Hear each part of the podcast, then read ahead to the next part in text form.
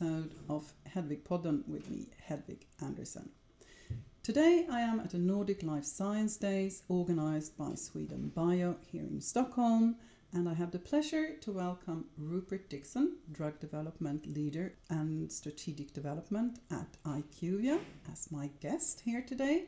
So, a very warm welcome to you, Rupert. Thank you very much. Very nice to be here with you. Yeah, thank you.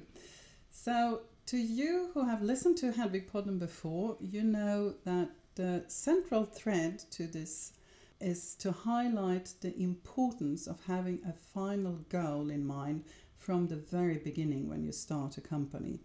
And uh, through different interviews and also um, different discussions that I have on mm-hmm. this pod, I try to show how everything is connected when building a company um, and try to look at this from different angles. So, my first question to you, Rupert, is if you would like to share with us um, the risk that you think is associated with a poor design when it comes to clinical studies and preclinical studies. Absolutely, yes. So, I guess we all know that drug development, by its very nature, is a risky and complex business. It's high risk and high return, uh, but that risk is very apparent.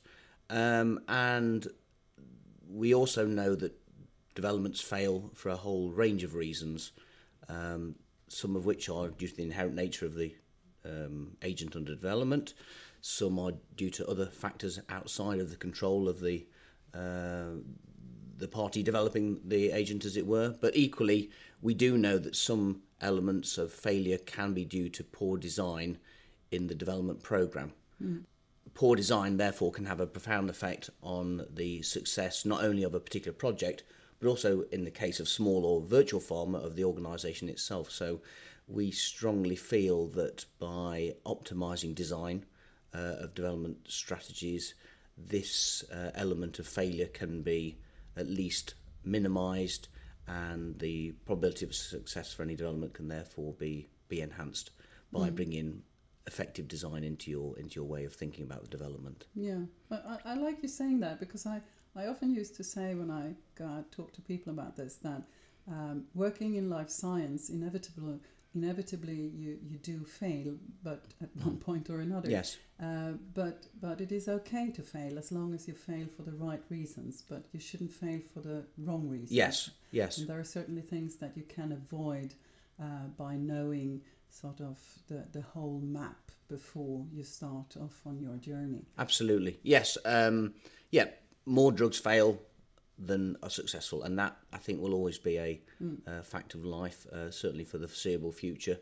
But um, we also know that there are characteristics of good developments and, and good strategies that will enhance the opportunity of making, shall we say, the right decision uh, about a about an agent, whether that it, whether it's a failure or it's a successful agent. Um, so there are characteristics of those developments that I guess if um, the team can focus on those uh, and when thinking about their design and try and build those uh, characteristics of a good design into their strategies, it will give them uh, it'll maximise, as I say, their opportunity to mm. to make the right decisions, either being successful or killing a, a, a unsuccessful agent early. Yeah. So, so how important would you say that it is to have the end in mind when you design a study? So, the end, I think, uh, is a critical part of any design.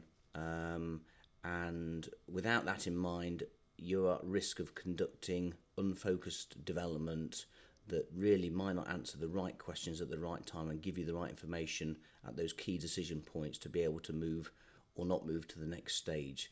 Um, so typically, I guess you could think of the end of a development as the um, being uh, getting to fa- through phase three to uh, a submission and approval and a launch. Um, that isn't necessarily the end for all uh, organisations, but um, uh, having a clear view on, on the end goal, I think, is absolutely critical for any um, effective program design um, and having a common understanding of what that is across all the parties involved in the development, be that clinical, uh, a, a, regulatory view, a commercial view, I think is uh, is important. So everybody's pulling in the same direction, and without having a common a collective integrated view of what the end goal is, um, then you're at risk of designing or conducting programs that are really might lack focus and might lack the ability to provide you the right information at the right time to to make those critical informed decisions about whether to move ahead or not. And that that's important not only for your own organization but potentially if you're thinking about partnering or out licensing or some other kind of uh, involvement with a uh, with a, another uh, organization then you need to have that end in mind to be able to sh- have the evidence to share with them that you have a, an agent that can move forward and that they perhaps would be prepared to invest in mm. or not. Mm, mm. So, which are the main reasons do you think why uh, a study fails? Uh, and I don't mean the biological mm-hmm. reasons now, I mean mm-hmm. more from a structural point of view. So, studies I feel can fail for a number of, of, of reasons, uh, and I've certainly seen this uh, through, through my, my career. Um, firstly, you need to be sure that you're studying the right population. Um, the, the right patients and a patient population that will be representative either of the next phase of development or the uh, population that you ultimately want to launch into. Uh, I've seen on a number of occasions where uh, earlier phase studies have perhaps been conducted in a more uh, constrained population, which you can understand, but constrained to the point that they're no longer representative of perhaps what the phase three program uh, population would look like. So this can therefore raise the potential that you won't be able to replicate in your late stage program the results, perhaps positive results you've seen in that early stage. So being clear on your um, uh, the the reasoning behind uh, the the population that you're selecting and the the um, consequences of um, being more or less restrictive of that is something you need to be very mindful of when designing a designing a, a clinical uh, trial and a clinical program. Equally, endpoints. Uh, there's always a desire uh, in the early stage, of course, to get to results quickly, and therefore you're looking at uh, often looking at surrogate endpoints uh, for perhaps the more meaningful clinical endpoints that you would need to be able to demonstrate um, in in a phase three registration program. This obviously is very common, and we all understand the rationale for that. But you need to have a confidence that you're selecting endpoints that are uh, to whatever extent possible, validated and truly um, representative of what that clinical outcome is going to be in, in that late stage, because otherwise you're making a decision potentially based on a, a possibly flawed assumption that the uh, surrogate endpoint that you've used is is um, is representative of what that um, that, that clinical end, endpoint is going to be in, in the phase three. So so end, endpoints are clearly a, a key thing to be aware of. Um, other areas where we've seen failure, it, dose selection. I mean, uh, you have to be confident that you're selecting the right dose. Dose ranging is something you need to have conducted in a way that you're confident that you've found that sweet spot between efficacy and safety. Um, the number of programs I've been involved in where at the end of phase three, perhaps when the results haven't been as positive as would have been uh, desired, and there's a lot of head scratching and concern and angst about well, did we select the right dose?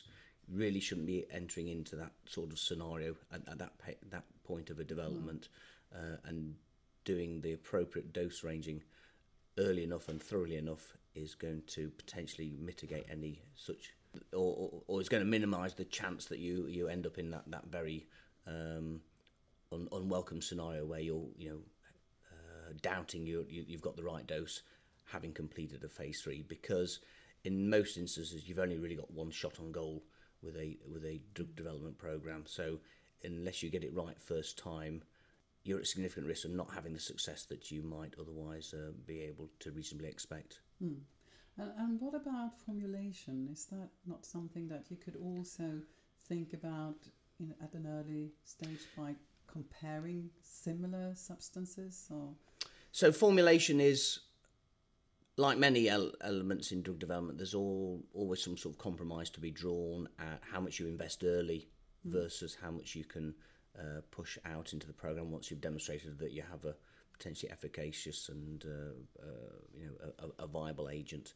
And formulation has particularly been one where I've seen that there has been a a willingness to go with a development formulation early on and then perhaps come to your final commercial formula formulation perhaps at phase three or certainly you should be only going into phase three with a, your commercial formulation there should be no uh, or or bringing it on board later than that is something that I, I, I couldn't recommend as a, mm. as a way mm. forward. You're, you're bringing so much risk into a program.